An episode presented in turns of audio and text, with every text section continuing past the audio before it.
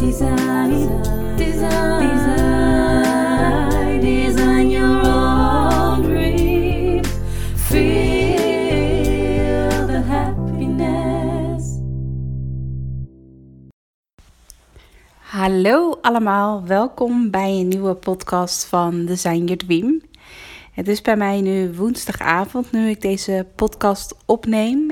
En ehm, voor de mensen die mij eh, trouw volgen, had ik bij mijn laatste podcast gezegd dat ik op vakantie ging met het interview van Marije. En eigenlijk eh, ehm, liep het daarna totaal mis. Ehm, namelijk dat eh, mijn zusje. ehm, we zouden, laat maar zeggen, anderhalve week geleden ongeveer zouden we op vakantie gaan naar Ibiza. Ik zou samen met mijn ouders en met mijn zusje gaan. En mijn zusje kreeg ongeveer een week voordat we op vakantie gingen, ehm, ging zij uit. eh ging ze voor de eerste keer weer uit eh, naar een discotheek. En daar had, ze moest ze ook een negatieve coronatest en zo voor doen, et cetera. Maar toen heeft ze uiteindelijk alsnog eh, corona gekregen tijdens het uitgaan.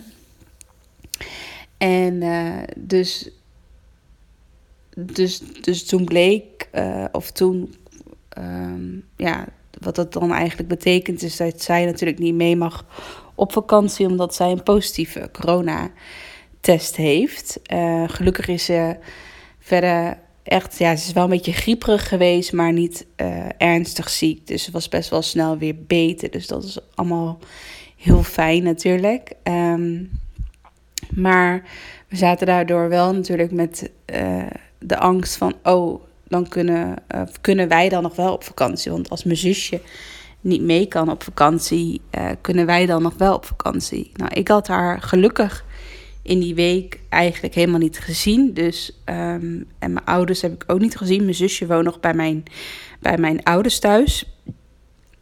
Dus dat was fijn dat ik in ieder geval niet in contact was geweest met mijn zusje en met mijn ouders.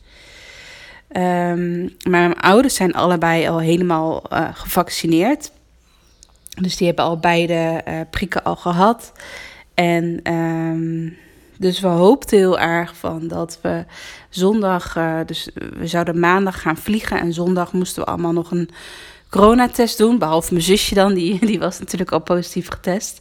Maar mijn ouders en ik moesten dus alle drie nog een PCR-test doen voor de vakantie. En ik was toen eh, negatief getest, eh, maar mijn moeder was eh, wel positief getest. Dus toen konden er eigenlijk twee mensen niet mee op vakantie. Dus toen hebben we besloten om de vakantie om te boeken. Gelukkig kon dat allemaal nog best wel. Ja, op het laatste moment moet je natuurlijk dan van alles gaan regelen en, en de reis gaan omboeken. Maar gelukkig kon dat allemaal en ehm, hebben we, zijn, zijn we verder geen extra kosten kwijt. Dus eh, dat was eigenlijk. Het is nu woensdag en, en eigenlijk zou ik. eh, afgelopen maandag zou ik terug zijn gekomen van vakantie. Dus ik heb ook echt in de week dat ik dus eigenlijk naar Ibiza zou gaan, heb ik ook even helemaal niks qua werk gedaan. Ik heb ook tegen mijn vriend gezegd van hier heb je mijn laptop, eh, berg hem maar op. Ehm, ik ga de hele week niet werken. En ik had mijn Instagram app ook gelijk die maandag van mijn mobiel afgehaald. Dus eh, ja, ik had echt even... ehm, echt even zo'n moment dat ik even wou uitchecken. En ik voelde, ik voelde vooral ook, ik voelde ook helemaal niet de behoefte om te werken. En ik baalde, baalde natuurlijk heel erg dat we niet op vakantie konden. En dat ik ook. Mijn ouders mo- moesten natuurlijk een week lang ook in, in quarantaine. Eh, dus ik kon ook helemaal niet naar mijn ouders toe en zo. Terwijl ik mijn ouders best wel vaak zie, normaal gesproken. Ehm, dus en ik probeerde zelf ook ja, wel echt, echt vakantie te vieren. Dus ik ben onder andere bijvoorbeeld naar de sauna geweest. Ehm, nou, ik heb echt heel weinig gedaan. Gewoon lekker uitgeslapen, met de hond gewandeld. Eh, gewoon echt, gewoon even, echt even een relax vakantie gehad en even helemaal offline eh, geweest. Maar ehm, daar wou ik deze podcast niet over hebben. Want deze podcast wil ik het hebben over ehm, eigenlijk een inzicht die ik vandaag kreeg toen ik een podcast van een, uh, van een business coach luisterde. Ik zal verder geen namen noemen. Um, maar het, het inzicht, of in ieder geval uh, de titel van mijn podcast is Het Lieve Meisjes-syndroom. Uh, misschien ken je dat ook wel. Dat je uh, misschien ook heel herkenbaar voor je dat je heel ja, dat je eigenlijk een soort van pleaser bent en dat je onbewust er echt voor wil zorgen dat jij ja, het aardige meisje bent, dat jij het lieve meisje bent, dat je vooral dat, dat je vooral aardig gevonden wil worden uh, door anderen en dat dat heel belangrijk voor je is en dat is um, in alle situaties, of dat nou privé is of zakelijk is, et cetera. Je wil gewoon aardig gevonden worden door, door, uh, door, door, iedereen. En um, dat resoneert al heel erg bij mij. En ik merk dat ook dat best wel veel klanten die ik help, die hebben daar ook best wel last van. Dat, ja, dat je gewoon aardig gevonden wil worden. En um, vanmiddag was ik een podcast aan het luisteren uh, van een business coach. En uh, zij interviewde iemand. En um, daar ging het over, over dat die uh, klant die zij aan het interviewen was, dus een klant die in haar traject zit, die, die, die was zij aan het interviewen over haar traject. En uh, die klant zei van, uh, van dat, dat hij haar dus best wel een harde business coach vond. Dat, dat zij heel erg eerlijk en direct is en dat ze best wel hard overkwam. En toen dacht ik van, hey, interessant. Want dat gevoel heb ik ook een beetje bij haar, de business coach. Maar dat heb ik ook wel bij andere ondernemers. Dus dat ligt niet per se. Uh, hoe zeg je dat? Het ligt niet per se aan die onderneemster. Maar ik heb dat wel bij meerdere ondernemers. Dat ik denk van, oh, zij komt best wel hard over. Of um, uh, de, haar marketingboodschap is bijvoorbeeld best wel hard. Of bijvoorbeeld als iemand bijvoorbeeld zegt van ik help je uh, om, uh, om 10k per maand te verdienen. Even gewoon een willekeurig voorbeeld. Of ik help je uh, met high-end ondernemen. als je dan echt van die hele willekeurige bedragen opnoemt van binnen één jaar een ton verdienen of binnen één maand 20k verdienen, um, ehm, 20.000 euro verdienen dat komt best wel hard over. Dat, het voelt een beetje alsof er geen ziel achter zit, achter die boodschap. Dus dat je, heel, dat je echt aan harde marketing doet, als het ware. En ik vond het heel interessant om bij mezelf te ontdekken van omdat ik dat denk van, oh, dat komt heel hard over. Of zij is een hele harde uh, business coach. Zij is heel hard van zichzelf. En in het interview komt dat ook weer naar voren vond ik het heel erg interessant. Uh, omdat ik gewoon zelf ook heel erg bezig ben van eigenlijk alles waarvan ik denk van hé, hey, dit is een soort van allergie voor mij. Waarvan ik voel van dit, hier ben ik een beetje allergisch voor. Dat dat juist een soort van boodschap is van hé, hey, hier moet ik iets mee. Hier is nog een soort van deel in mij uh, wat nog even aangekeken moet worden. Uh, zoals jullie misschien weten, ben ik uh, dit jaar en ook vorig jaar heb ik echt al heel veel innerlijk werk gedaan bij mezelf. Heb ik echt allemaal overtuigingen uh, uit het water gevist, zoals het ware. En ze allemaal recht aangekeken. Dus niet letterlijk weer een soort van onder water duwen en gewoon gauw doorzwemmen. Maar nu gewoon echt alle overtuigingen aangekeken en vervolgens losgelaten. En dit was nog een overtuiging die. Um, die ik nog heel erg voelde. Wat echt nog een beetje in mijn allergie zit. Ook privé gezien. Um, dus wat ik heel erg voel uh, als ik het heb over um, mensen, zowel privé als zakelijk, die heel erg hard overkomen of heel erg hard zijn. Dus bijvoorbeeld een harde business coach of whatever. Dat daar dus een bepaalde allergie bij mij zit. En um, waarom ik het zo interessant vind om te onderzoeken, is omdat ik het ook privé heel erg herken bij mezelf. Uh, bijvoorbeeld mijn vriend, Joffrey eh, is eh, zelf, hij is qua karakter ook best wel hard. In de zin van hij is heel aardig verder en echt heel behulpzaam en zorgzaam. Maar hij kan ook echt heel hard zijn en heel direct en heel eerlijk. Uh, dus ik weet altijd bij Joffrey van als ik gewoon echt even een soort van eerlijke mening van iemand wil horen, dan vraag ik het altijd aan mijn vriend. En dan weet ik gewoon zeker dat hij altijd eerlijk en direct is. Dus, dus mijn vriend is soms ook wel een beetje mijn, mijn coach. Want ik weet gewoon van als ik ergens mee zit, of als ik ergens over twijfel, of als ik bijvoorbeeld een beetje aan het lanterfanteren ben, bijvoorbeeld in mijn bedrijf of privé, bepaalde zaken dan, dan vraag ik gewoon van wat vind, jij, wat vind jij hoe ik ben de afgelopen periode? En dan zegt hij gewoon heel eerlijk van oké, dit, dit en dit zie ik. En waarom, waarom doe je dit en dit bijvoorbeeld? En dat kon dan heel confronterend natuurlijk overkomen als iemand dat soort van ja, lekker soort van eruit gooit en daar heel eerlijk en direct in is. En ik heb daar heel lang heel erg moeite mee gehad. Want ik weet gewoon dat hij heel eerlijk is. En soms best wel hard kan overkomen. Maar um, dat ik het heel erg moeite. Ik kon, ik kon aan me zeggen, de vinger niet op leggen waarom ik uh, zoveel moeite had met waarom hij uh, altijd zo eerlijk en direct is. Want het is ook een hele goede eigenschap als iemand gewoon heel eerlijk en direct is. Ik denk dat je daar veel meer aan hebt dan iemand die niet eerlijk en direct is.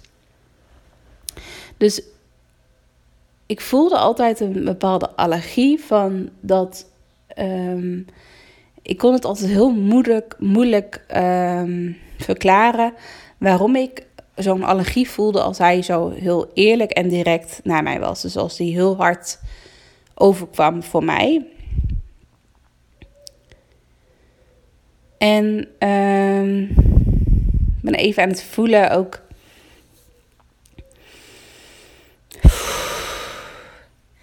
En even aan het, even aan het voelen van waar, waar dat vandaan komt. Dat ik, dat ik niet alleen vanuit mijn hoofd aan het praten ben, maar ook even voel in mijn lichaam van wat mijn lichaam allemaal probeert te zeggen. Maar um,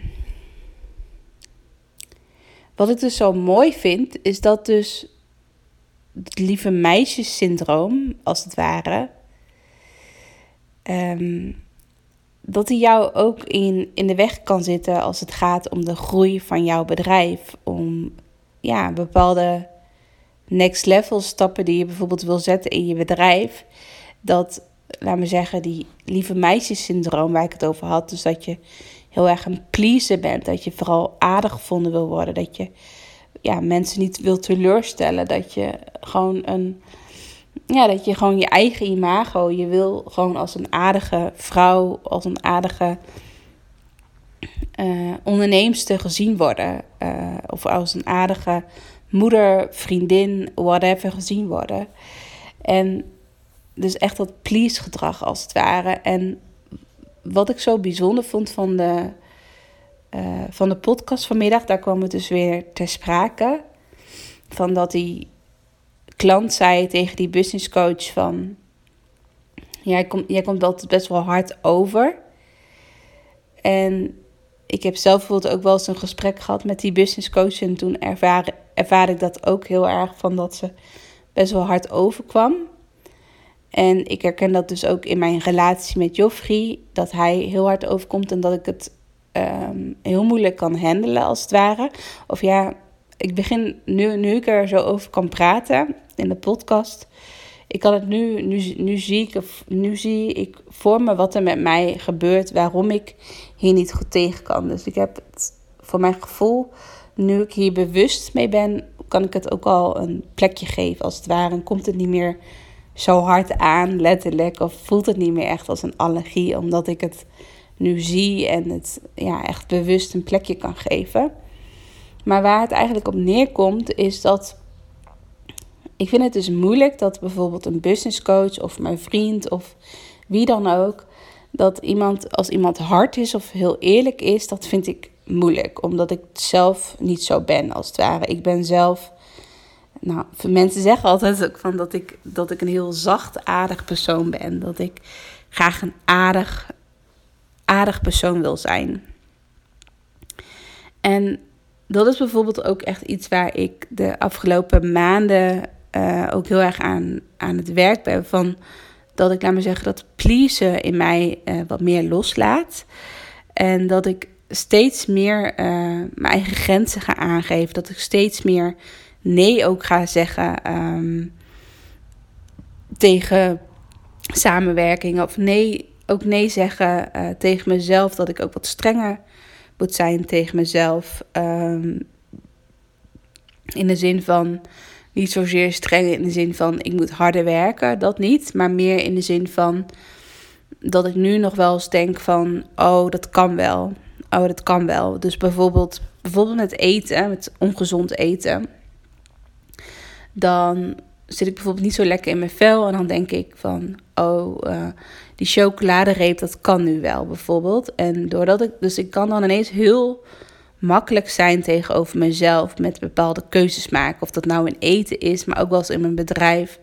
Dat ik dan voel van, oh, ik heb nu niet zoveel energie vandaag. Dus ik ga gewoon lekker rustig aandoen. En dat het dan eigenlijk iets te, ja, weer iets te makkelijk wordt voor mezelf als het ware. Dus dat ik eigenlijk helemaal niet meer ja, hard tegenover mezelf kan zijn. Het klinkt, het klinkt heel kil, hoe ik het nu zeg. Maar zo bedoel ik het niet. Ik bedoel niet zozeer van, want ik, ik bedoel niet zozeer de andere kant van hard zijn. Van, want dat is weer de hele andere kant op natuurlijk. Uh, het is niet zo van dat ik nu hier nu een soort van les wil geven van je moet harder tegenover jezelf zijn. Dat helemaal niet. Maar meer in de zin van dat ik juist weer een beetje te zacht voor mezelf was. En dat het mag nu wel weer wat meer in het midden. Dus dat het weer het midden staat tussen zacht en hard als het ware. Dus dat het in balans is. En mm, wat een beetje de boodschap is, want ik vind het dan weer ook weer mooi om dat weer. Um, om daar ook dan weer een rode lijn in te zien als het gaat over je eigen bedrijf, over, de, over je groei van je bedrijf. En waar je nu bijvoorbeeld nog bepaalde blokkades voelt in je bedrijf, waardoor je nog niet verder kunt groeien. Of waar, nu, waar, je, nu, waar, waar je nu bijvoorbeeld in stagneert. Of waarin je nu voelt dat het niet lekker stroomt in je bedrijf. Um, omdat je bijvoorbeeld echt een pleaser bent. Omdat je graag aardig gevonden wil worden. Um, dat laat me zeggen, de volgende stap als je bijvoorbeeld wil groeien in, in je bedrijf, en dat herken ik dus ook heel erg bij mezelf, is dat um,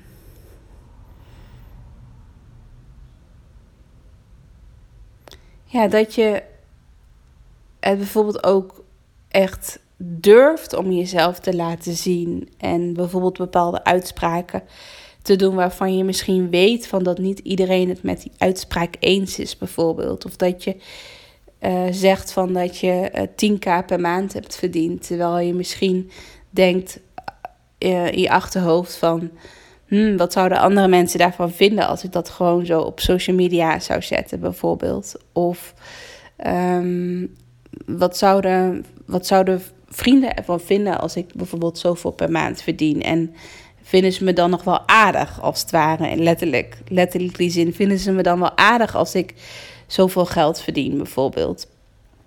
Of als ik zoveel aan het werk ben, of whatever. Dus dat, ik vind dat heel erg interessant van dat je eigenlijk onbewust uh, jezelf dan eigenlijk voor de gek kan houden dat je tegen jezelf zegt van ik ben gewoon een zachtaardig persoon. Ik kan er niet zo goed tegen tegen mensen die heel erg hard zijn en heel eerlijk en direct overkomen. Dus die heel erg ook een beetje ja, die mannelijke energie hebben, maar ook heel erg um, ja, een beetje die, die harde marketing als het ware laten zien online. Um, dat, en als jij daar ook niet zo goed tegen kan, dus dat jij daar ook een bepaalde allergie bij voelt, dan is dat dus heel interessant om te onderzoeken van um, waarom je er niet tegen kan, dus waarom het een allergie is. En wat doet het met jou? Kan, is het een onderdeel in jouw leven wat jij nog even bij jezelf ja, mag aankijken en dat je ook even mag voelen van waarom kan ik hier niet tegen? Waarom is dit een allergie? Waarom word ik bijvoorbeeld elke keer boos uh, als iemand bijvoorbeeld heel hard tegen mij is of, of heel hard op social media is of heel hard in het algemeen is?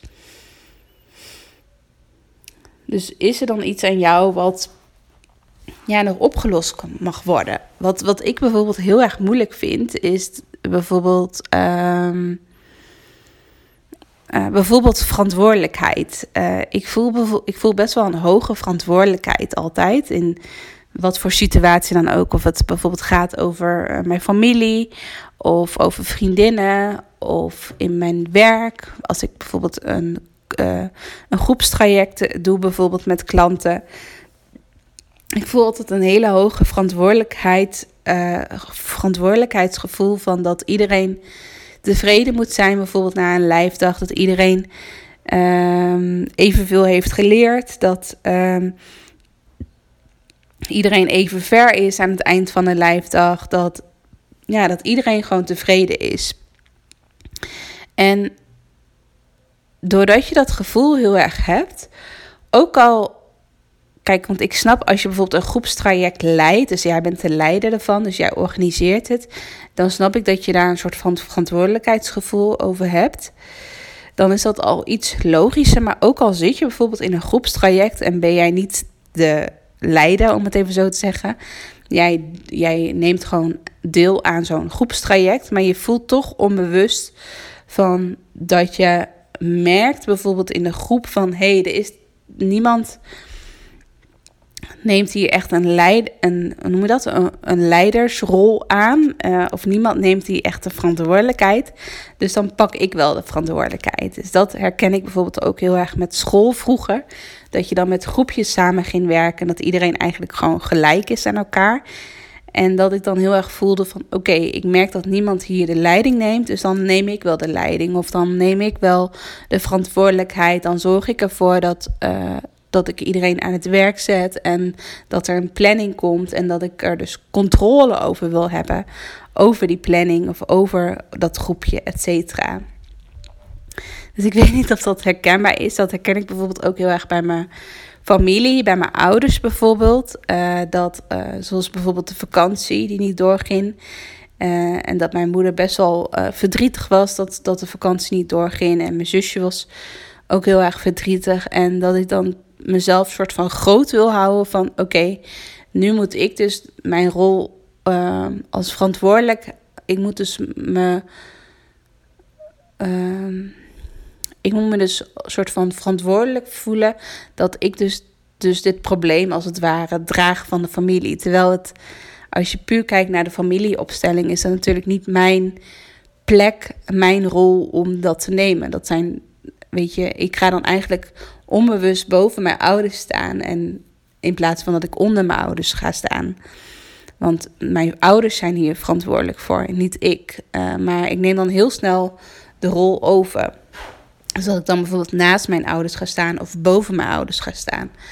En dat herken ik ook bij klanten als ik uh, groepstrajecten doe, of als ik in een groepje ben, of een groepstraject bij iemand anders doe, of uh, bij vriendinnen of in een vriendengroep et. Ik voel heel erg snel dat ik een bepaalde. Ja, dat ik heel snel naar die verantwoordelijk, verantwoordelijk zijn, verantwoordelijk, uh, verantwoordelijke rol uh, grijp. En dat gaat bij mij ook heel erg over dat lieve meisjes syndroom. Dat zit bij mij wel een beetje in één lijn. Dat, um, dat eigenlijk dat die rol, uh, als je, laat maar zeggen, die rol op je pakt. Dus dat je je vooral heel erg verantwoordelijk voelt. Ook al ben jij niet de verantwoordelijke bijvoorbeeld. Maar dat je die rol gewoon heel onbewust oppakt voor jezelf. Terwijl niemand heeft gevraagd dat jij die rol uh, oppakt. Um, dat het dan weer zo'n gevoel heeft van, oh ja, nee.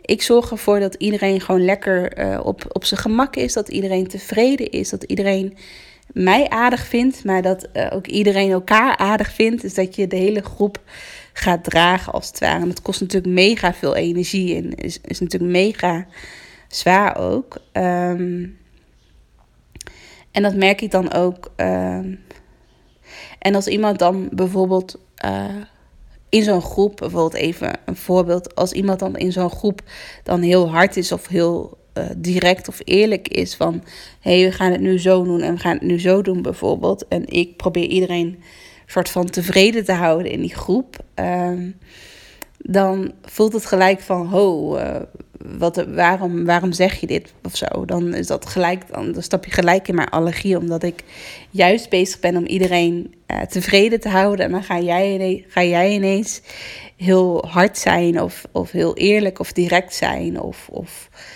of gewoon echt je eigen mening um, in een groep gooien, et cetera. Dus dat vind ik heel interessant. En uh, de afgelopen maanden uh, heb ik ook familieopstellingen gedaan, et cetera. En ik probeer elke keer mezelf uh, weer, als, als ik voel in een bepaalde situatie, of dat privé of zakelijk is, ga ik elk, voel ik elke keer van nee, ik ga uit die rol. Ik hoef me niet verantwoordelijk te voelen.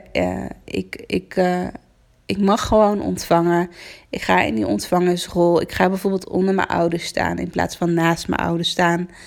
Uh, maar ook in andere situaties met mijn werk. Dus als ik bijvoorbeeld een groepstraject leid, dan zijn uiteindelijk de mensen zelf verantwoordelijk over hun eigen bedrijf. Ik kan ze bepaalde dingen leren, maar als zij niet bijvoorbeeld dingen op tijd af hebben of als zij in hun eigen proces zitten, whatever, dan is het voor hun veel leerzamer, dus voor mijn klanten veel leerzamer dat ik ze in dat proces laat en dat, dat, ik, dat ik eigenlijk ervoor zorg dat ze er zelf verantwoordelijk voor zijn, want daar leren ze veel meer van dan dat ik soort van aan hun handje ga trekken en keihard ga trekken, zodat ik verantwoordelijk ben, maar dat zij alleen maar hoeven mee te lopen als het ware. Maar het is natuurlijk veel waardevoller en leerzamer voor de klant dat ik eigenlijk de rol van verantwoordelijke bij iemand anders, bij, bij mijn klant neerleg. Want daar leert iemand natuurlijk veel meer van dan dat ik, laat me zeggen, degene ben die, uh, die alles doet, die de verantwoordelijke is. En zo merk ik dus ook heel erg, als je het dan hebt over energie, dan merk ik ook heel erg dat als je bijvoorbeeld een groepstraject leidt, dat, er, dat je dan ineens op, op een hele andere energie. Uh, ja, hele andere energiefrequentie. Dat je uh, eigenlijk ja, instapt in zo'n groepstraject. Dus dat je, stel je voor dat je je eigen groepstraject organiseert. Dan was ik, laat maar zeggen, de oude Rosanne van, van een jaar geleden zou dan bijvoorbeeld aan het eind van de dag helemaal leeg zijn qua energie. Ik zou heel erg moe zijn omdat ik iedereen tevreden wil houden, et cetera. En ik voel een hele hoge verantwoordelijkheidsgevoel bij mezelf en bij mijn klanten. Maar dat ik nu, laat me zeggen, zo'n lijfdag, als ik een groepstraject organiseer en ik ga zo'n lijfdag in, dat ik echt in die ontvangerrol ga zitten van... Ik zorg natuurlijk dat ik mijn dingetjes doe die ik heb voorbereid, et cetera. Maar ik ben niet verantwoordelijk van wat het proces is van mijn uh, klanten. Uiteindelijk gaan hun. Het is veel waardevoller als zij hun eigen proces, als ze hun eigen reis gaan uh, bewandelen. In plaats van dat ik soort van een route uitstippel en dat ik ze soort van uh, forceer om die route te gaan lopen. Terwijl het veel waardevoller is als ze hun eigen tempo en hun eigen route uh, gaan, uh, gaan bedenken in plaats van dat ik het voor ze doe. Dus dat ik dan eigenlijk, als ik het dan letterlijk heb over. Um, nou, ik, ik zit nu bijvoorbeeld op de bank. Dan, als ik bijvoorbeeld kijk naar mijn zithouding, hoe ik nu op de bank zit, dan zou bijvoorbeeld de Rosanne van een jaar geleden zou dan bijvoorbeeld helemaal eh, rechtop, uh, echt op het puntje van de bank zitten. Um, omdat ik dan zo erg bezig ben met een ander. Dus dat ik ook als het ware met mijn hele lichaam heel erg geleund ben naar de ander. Dus dat ik voor heel erg mijn focus ook heb naar een ander van. Het is vooral het belangrijkste dat de ander uh, zich naar zijn zin heeft. Dat de ander uh, het proces doorloopt. Dat de ander, dat iedereen aan het eind van de dag tevreden is, et cetera. Maar dat ik nu gewoon relax op de bank zit. Dat ik gewoon helemaal eh, met mijn rug tegen de rugleuning aanleun. Dat ik gewoon lekker ontspannen, relax op de bank zit met mijn benen. Ehm, misschien wel op de tafel.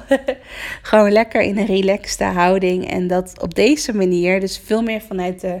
Nu zit ik veel meer vanuit de ontvanghouding. Dus ik zit niet helemaal voorover gebogen, gebogen naar mijn klant toe. Maar ik zit gewoon lekker relaxed achterover op de bank. Deze houding voelt veel relaxter, veel fijner, veel fijner in de energie en ook veel meer uh, een ontvanghouding. Dat je gewoon ready bent om te ontvangen. Voelt veel fijner om in te leven, maar ook in te ondernemen dan dat je altijd maar ja, voorover moet leunen en altijd maar. Ja, het is een beetje de gezegde. Ik weet niet of ik hem nu goed uitspreek, want ik ben heel slecht in, uh, in gezegdes. Uh, maar het voelt heel erg een beetje uh, water bij de wijn. Volgens mij is dat een gezegde, toch? Dat je. Mm, dat het, het is, laat maar zeggen, geven en nemen in een relatie bijvoorbeeld. Dat je geeft en ook neemt. Maar dat. Um, laat me zeggen, als ik het heb over de Rosanne van een jaar geleden, die gaf, laat me zeggen, 80 procent. En die uh, eh, 20% was maar nemen. Dus eigenlijk, als je het hebt over een wipwap bijvoorbeeld, om het visueel te maken, dan was ik, laat me zeggen, de hele tijd degene die, die heen en weer ging met de wipwap. Dus ik was heel erg fanatiek met mijn benen om, uh, om mijn voeten af te zetten naar de grond, zodat ik heen en weer ging op de wipwap. En de ander die aan de andere kant van de wip, wipwap zit, die kan gewoon lekker achterover leunen met de benen uh, op de wipwap. Die hoeft helemaal niks te doen. Want ik zorg dat de wip, wipwap beweegt, als het ware. Dat de wipwap heen en weer gaat. Um, uh, dus dat is een beetje de. Ja, dat is misschien wel mooi om de podcast mee te eindigen. Want dit is gewoon een heel puur, zuiver verhaal van mij over een beetje. Ja, ik denk dat het ook gewoon heel mooi is om mijn kwetsbaarheid te delen. Ik denk dat je daar zelf ook heel veel aan hebt. Ik merk ook heel erg dat mijn uh, klanten die ik de afgelopen maanden heb geholpen uh, bij, uh, bij Reiki-behandelingen, dat ik ook heel erg voel dat dit echt, dat, dat lieve meisjesyndroom, ik zie dat bij zoveel ondernemers terugkomen. Niet alleen bij mezelf, maar bij heel veel ondernemers en bij heel veel klanten. dus ik, ja, laat me vooral ook weten of dit met jou resoneert. Uh, dus stuur me vooral ook een berichtje. Stuur me ook even een mailtje uh, als, je, als het resoneert naar info.rosannerouwen.nl Want ik ben deze week nog offline op Instagram. Uh, het voelt echt mega goed om offline te zijn. Ik heb een paar keer uh, op mijn computer gekeken deze week. gewoon naar Instagram. Omdat ik Oh, sorry. Maar... Body. Nee. Zo, ik ga even verder. Mijn hondje moet even blaffen. Die vindt het, uh, mijn hondje vindt het trouwens prima. Die kan, die kan wel goed voor zichzelf uh, opkomen, zoals je hoort. Maar, um, wat wou ik nou zeggen? Oh ja, mijn Instagram detox. Ik was dus heel eventjes op Instagram gegaan op mijn computer om even wat... Ik moest iets opzoeken. En toen voelde ik gelijk weer uh, uh, een of andere negatieve flow kwam bij mij naar boven. Omdat ik gewoon gelijk weer de stories van een aantal mensen aan het bekijken was. Dus ik voelde gelijk weer een soort, soort van de dwang. En dat gaat dus ook over dat geven en ontvangen. Dat ik heel erg weer. Dat heel erg die controle weer voelde. Dat ik gewoon van iedereen wou weten wat diegene doet op een dag. Dat ik ook gelijk weer mijn computer afsloot. Of in ieder geval Instagram afsloot. En dat ik dacht van nee, voor mij nog even geen Instagram. Um, dus voor nu ben ik voorlopig, kom ik voorlopig uh, even niet online op Instagram. Omdat ik merk dat ik gewoon, ja, het kost mij voor mij, het kost mij nu op dit moment gewoon te veel energie en te veel prikkels. En ik merk gewoon doordat ik niet, doordat ik niet op Instagram zit, uh, dat ik gewoon zoveel energie overhoud aan het eind van de dag. Wat ik gewoon heel fijn en nuttig kan besteden. Uh, ja, aan mijn bedrijf werk. Ik ben deze week, vorige week heb ik de hele week vakantie gehad. En deze week uh, ben ik echt aan mijn bedrijf aan het werken. En hele mooie dingen aan het creëren. Dus die komen binnenkort ook online. Dus hou mijn podcast ook in de gaten. Of hou hou ook vooral mijn website uh, in de gaten. Uh, want ik ben met hele toffe nieuwe dingen bezig. Dus als je nieuwsgierig bent naar al mijn ideeën, check dan ook vooral mijn website rosannerouwen.nl. Nou, ik wou hierbij de podcast eindigen. Um, en misschien wel goed om. Uh, ja. Het is eigenlijk even een podcast waarin je misschien een beetje aan het denken gezet wordt. Dus eigenlijk de vraag is ook van, stel je voor dat jij iemand in je omgeving of bijvoorbeeld ook een business coach of een andere onderneemster, dat je iemand kent die best wel hard is, die best wel zakelijk is, die best wel, ja, durft te strooien met bijvoorbeeld omzetdoelen of met geldbedragen, et cetera. En dat jij voelt van, oh, dat is echt vet hard of vet, uh, dat is helemaal niet compassievol, om het even zo te zeggen. En dat is een beetje je allergie. Dan wil ik je gewoon uitnodigen om, om dat gewoon eens te onderzoeken van waarom is het jouw allergie? Waarom kan je hier niet tegen? En wat doe jij bijvoorbeeld nu in je onderneming? Um, ja, wat er eigenlijk voor zorgt dat je jezelf elke keer weer op de laatste plek zet. Dat je jezelf eigenlijk niet serieus neemt. Dat je jezelf dus niet op nummer 1 zet. Dat je dat je elke keer voor anderen zorgt, maar niet voor jezelf. Um, dus ja, dat het echt tijd wordt om vaker nee te zeggen tegen een ander. En ja te zeggen tegen jezelf. Dat, je, dat het tijd wordt om bepaalde grenzen te stellen. Dat je bepaalde doelen die je misschien voor jezelf hebt, dat je die nu ook echt gaat waarmaken in plaats van elke keer uitstellen. Um, want eigenlijk, als je jezelf mee op nummer 1 zet, geef je jezelf ook weer meer liefde. In plaats van dat je eigenlijk alleen maar ja, liefde aan de ander geeft in plaats van aan jezelf. Dus zie het ook als een plantje. Uh, dat als jij, laat maar zeggen, een plantje bent en, um, en je hebt om je heen uh, allemaal andere plantjes staan. Dus dat je rondom een hele familie met plantjes staat. En dat uh, alle andere plantjes elke dag uh, of elke week netjes water, water krijgen en voeding krijgen. Zodat ze kunnen groeien, groeien, groeien. En dat je eigenlijk jezelf daarin vergeet. Omdat je zo erg aan het focussen bent. Dat je, dat je misschien dat je uh, letterlijk, als ik het even in planten, plantentaal zou moeten beschrijven. Van als de zon naar binnen schijnt op de vensterbank.